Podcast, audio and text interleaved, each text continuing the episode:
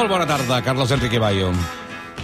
Hola, bona tarda a tothom. Oh, ai, em pensava que també ja... ja. No, s'està Jo, quan ja distanciant. no hi és dos segons ja penso que penso el pitjor, perquè ja... S'ha enfadat. No, no, que s'ha enfadat no, que li han fet alguna cosa, pobre, tot el dia fet contra les clavegueres. Mira, parlant de clavegueres, per cert, ahir a TV3 veiem aquest documental meravellós per, dirigit de, per Liu Forn i amb guió del Jaume Grau, Jorge Fernández Díaz contra el mal, en van parlar aquí a l'Estat de Gràcia. Atenció, perquè va ser el quart programa més vist del dia, sí senyor! Felicitats! Jorge Fernández Díaz ens explicava el Jaume Grau que bàsicament és que creu que pot fer i ha de fer qualsevol cosa contra el mal encara que sigui actuar malament. És a dir, ha de pecar per lluitar contra el pecat, que és el que va fer fent doncs, brigades polítiques, Operació Catalunya, etc etc. Estàs d'acord, suposo, no? Sí, pero como comulga todos los días, pues siempre está en, eh, libre de todo peca- pecado, aunque, aunque muera súbitamente. Exacte. Al final del dia, si tu dius el que has fet i et confesses, doncs ja, ja està. Doncs uh, Fernández Díaz, que va triomfar a TV3, eh, i ahir va triomfar Ayuso, i no sé si és una mica un fill de Fernández Díaz i de la política de Fernández Díaz, tot el que va passar ahir a Madrid. Com ho veus tu? Bueno, lo que pasó en Madrid realmente es que eh, la gente se deja llevar por las eh, argumentaciones populistas, como hemos visto en Estados Unidos, como estamos viendo en tantos lugares, de, Brasil a, a Reino Unido.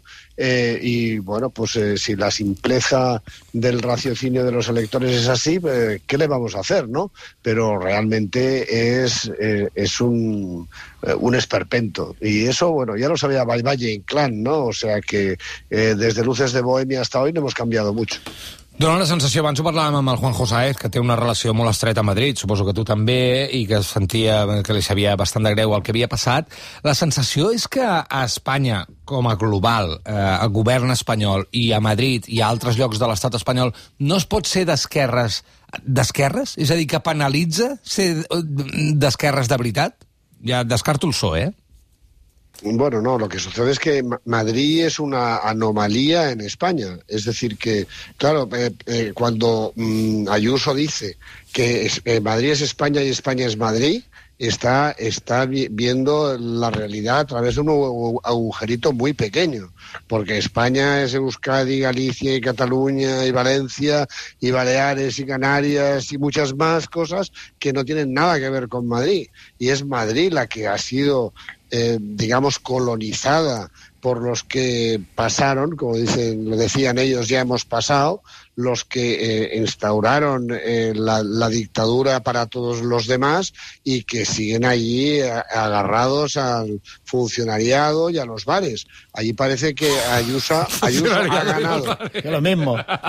Ayuso ha ganado las, elecciones, ha arrollado porque ha mantenido los bares abiertos y eso es lo único que quieren. De veritat, és que m'agafa el riure de tensió interna, de veritat. Que aquesta sigui la, el motor, la força per guanyar unes eleccions tan importants, em sembla eh, tan, Home, tan trist. Aquesta i no trobar-te un La ex. Es plena pandèmia, sí, sí, sí. sí.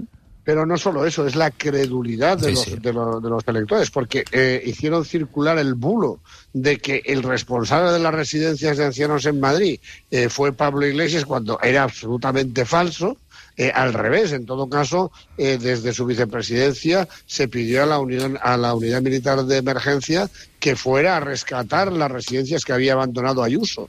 Que Ayuso hasta dio y se ha demostrado órdenes de que no se llevara a los ancianos enfermos de. COVID a los hospitales, Sí, que murieron más de 8.000 por a causa de esa orden.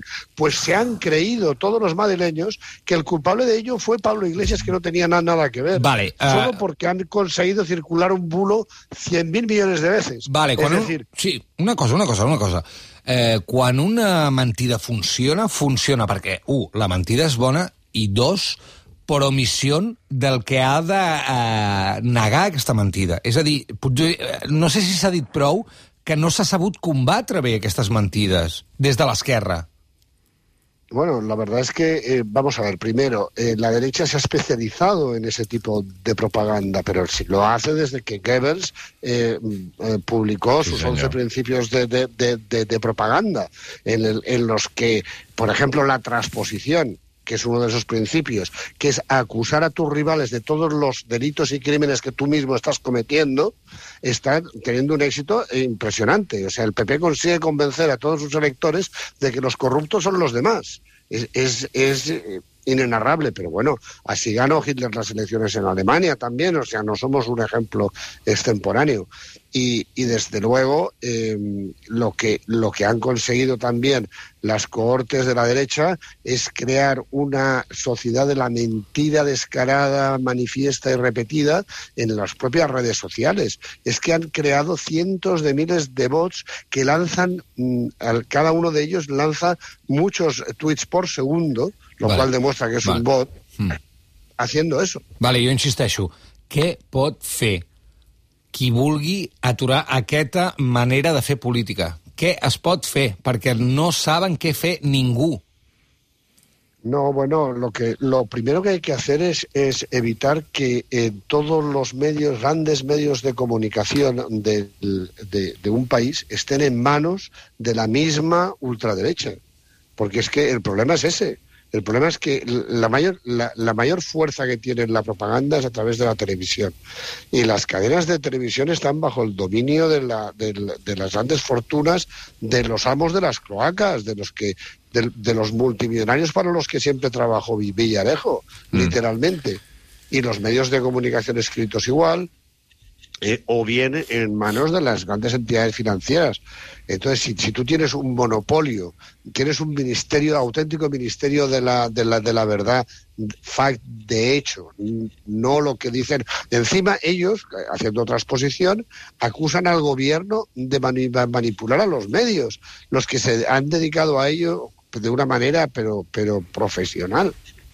Carlos Enrique, um, creus que tot això pot haver tingut a veure amb la decisió de Pablo Iglesias d'abandonar la, com a mínim la, la, la, la primera plana de la política o, o hi ha altres consideracions? Com interpretes les paraules de Pablo Iglesias de, o la decisió d'abandonar la política? Bueno, es que realmente eh, él acababa siendo un, eh, digamos, un lastre para, para la izquierda, mm -hmm. porque una de las cosas que, que han hecho ha sido pues eh, criminalizar a una persona, pero atacarla de la manera más, más odiosa y repugnante que se puede hacer. Cuando tú estás llamando rata, repugnante al, al rival, lo que estás es deshumanizándolo. Estás, estás haciendo que tus seguidores consideren que es lícito envenenarlo o matarlo o matar a sus, a, a sus re, retoños, que es lo que han estado haciendo. Han acosado hasta a sus hijos menores, no, pequeños y eso, y eso se ha tolerado en esta sociedad. Entonces, eh, realmente él se había convertido en el, no en el pararrayos, sino en el verdadero eh, mm. eh, polo de atracción de todo el odio de esa derecha absolutamente irracional. Mm. És que necessites, necessites... Jo crec que has dit la paraula clau per mi, que és eh, que algú toleri això. Eh, per, perquè hagi una victòria aclaparador, ah, perdoneu, aclaparadora així, hi ha d'haver algú que crida algú que ho escolta, però algú enmig que tolera això i ho amplifica no o ho deixa passar. Per tant, aquí hi ha uns culpables i uns còmplices també, eh? Claro, no solo que lo tolera, sino que lo amplifica. Ah. De los, de los, cómplices de los medios, pero también que lo justifica y hasta, y hasta le da armas como gran parte del, de la, del, eh, digamos, institución judicial porque siempre hay un juez que encuentra, o una jueza, que encuentra la salida para decir, pues por ejemplo, que la, que la culpa de la pandemia era la manifestación feminista del, del 8N.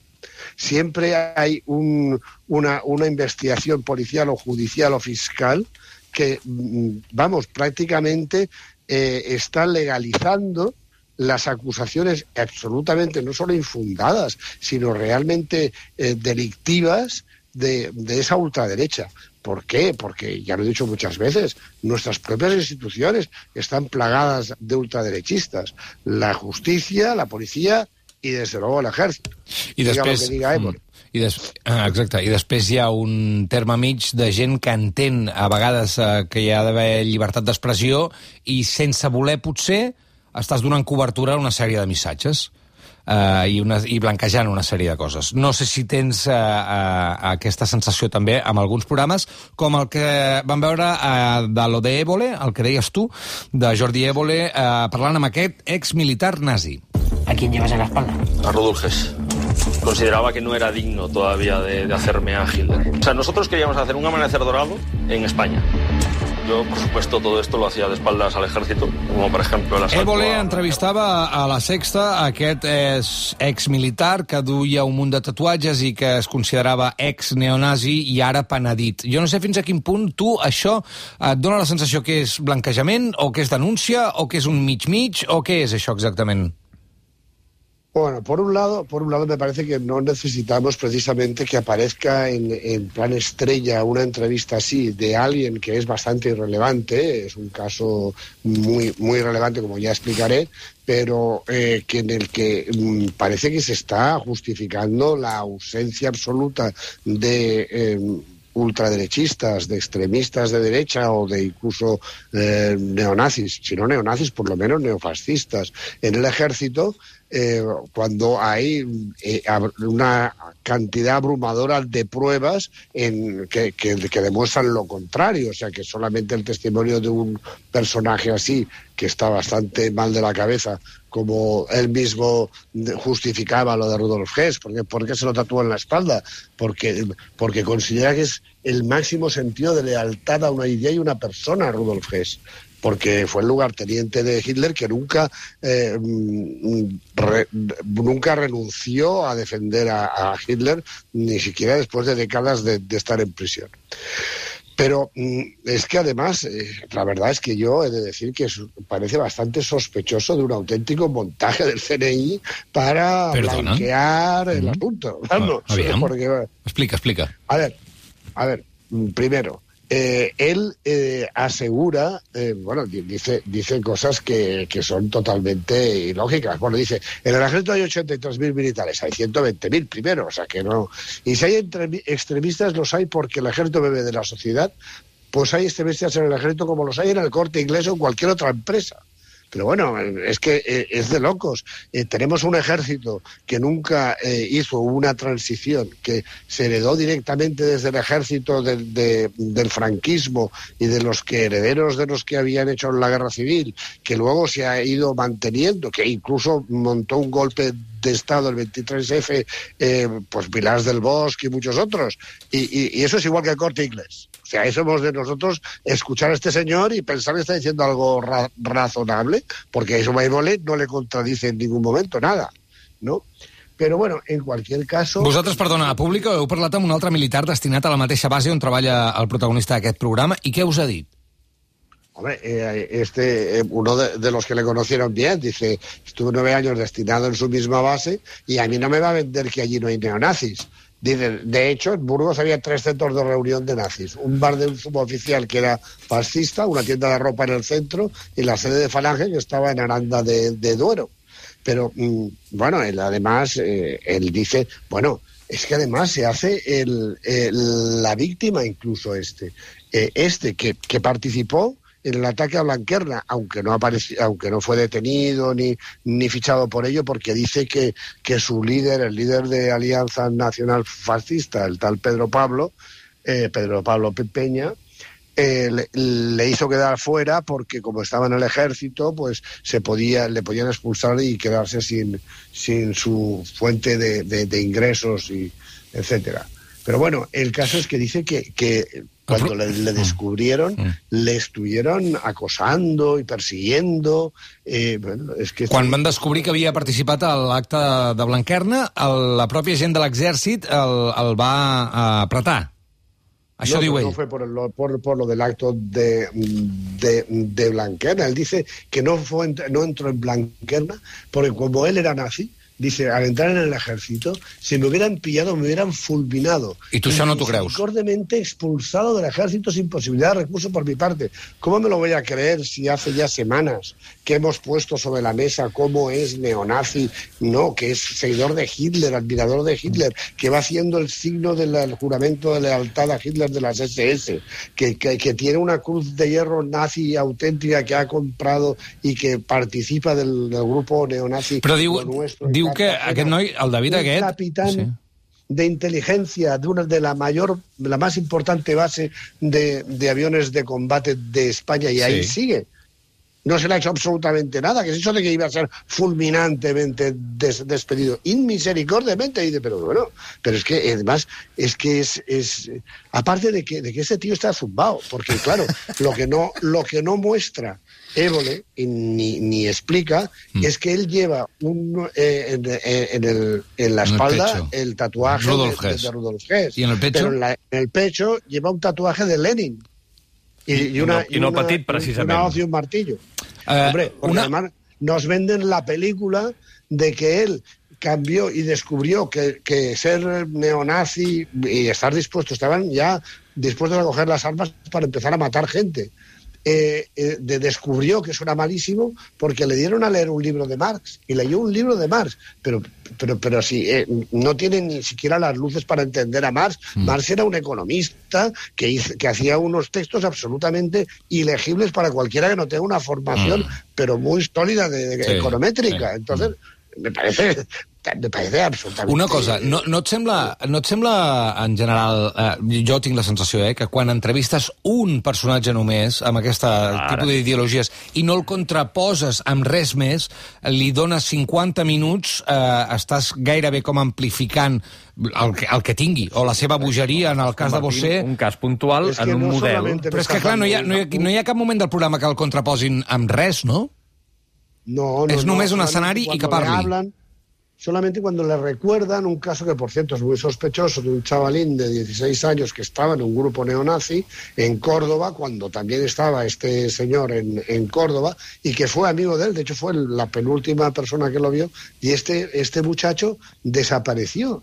Desapareció y, y nunca más se la, se la ha vuelto a encontrar. Sus padres están desesperados. Es, es un pobre chaval de 16 años que pertenecía a un grupo neonazi que le habían atraído allí y que de repente un día desaparece y nunca más se lo vuelve a ver. Y resulta que este hombre es el penúltimo que lo ha visto. Y, y, y, y iba a Évole diciendo, ¿no sería ese el clic que te hizo a renunciar al, al nazismo? Y el otro dice, no, no, de ninguna manera. Hombre, no, yo más bien me preguntaría si no estuvo implicado él en la desaparición del, del, del pobre chaval, ¿no? Clar, clar. Carlos Enrique, vamos. En la línia del que preguntava el Roger, anant una mica més enllà, com a periodista t'ho pregunto, eh? I com a persona que porta sí. molts anys estudiant no només això, sinó moltes altres qüestions, però investigant a fons.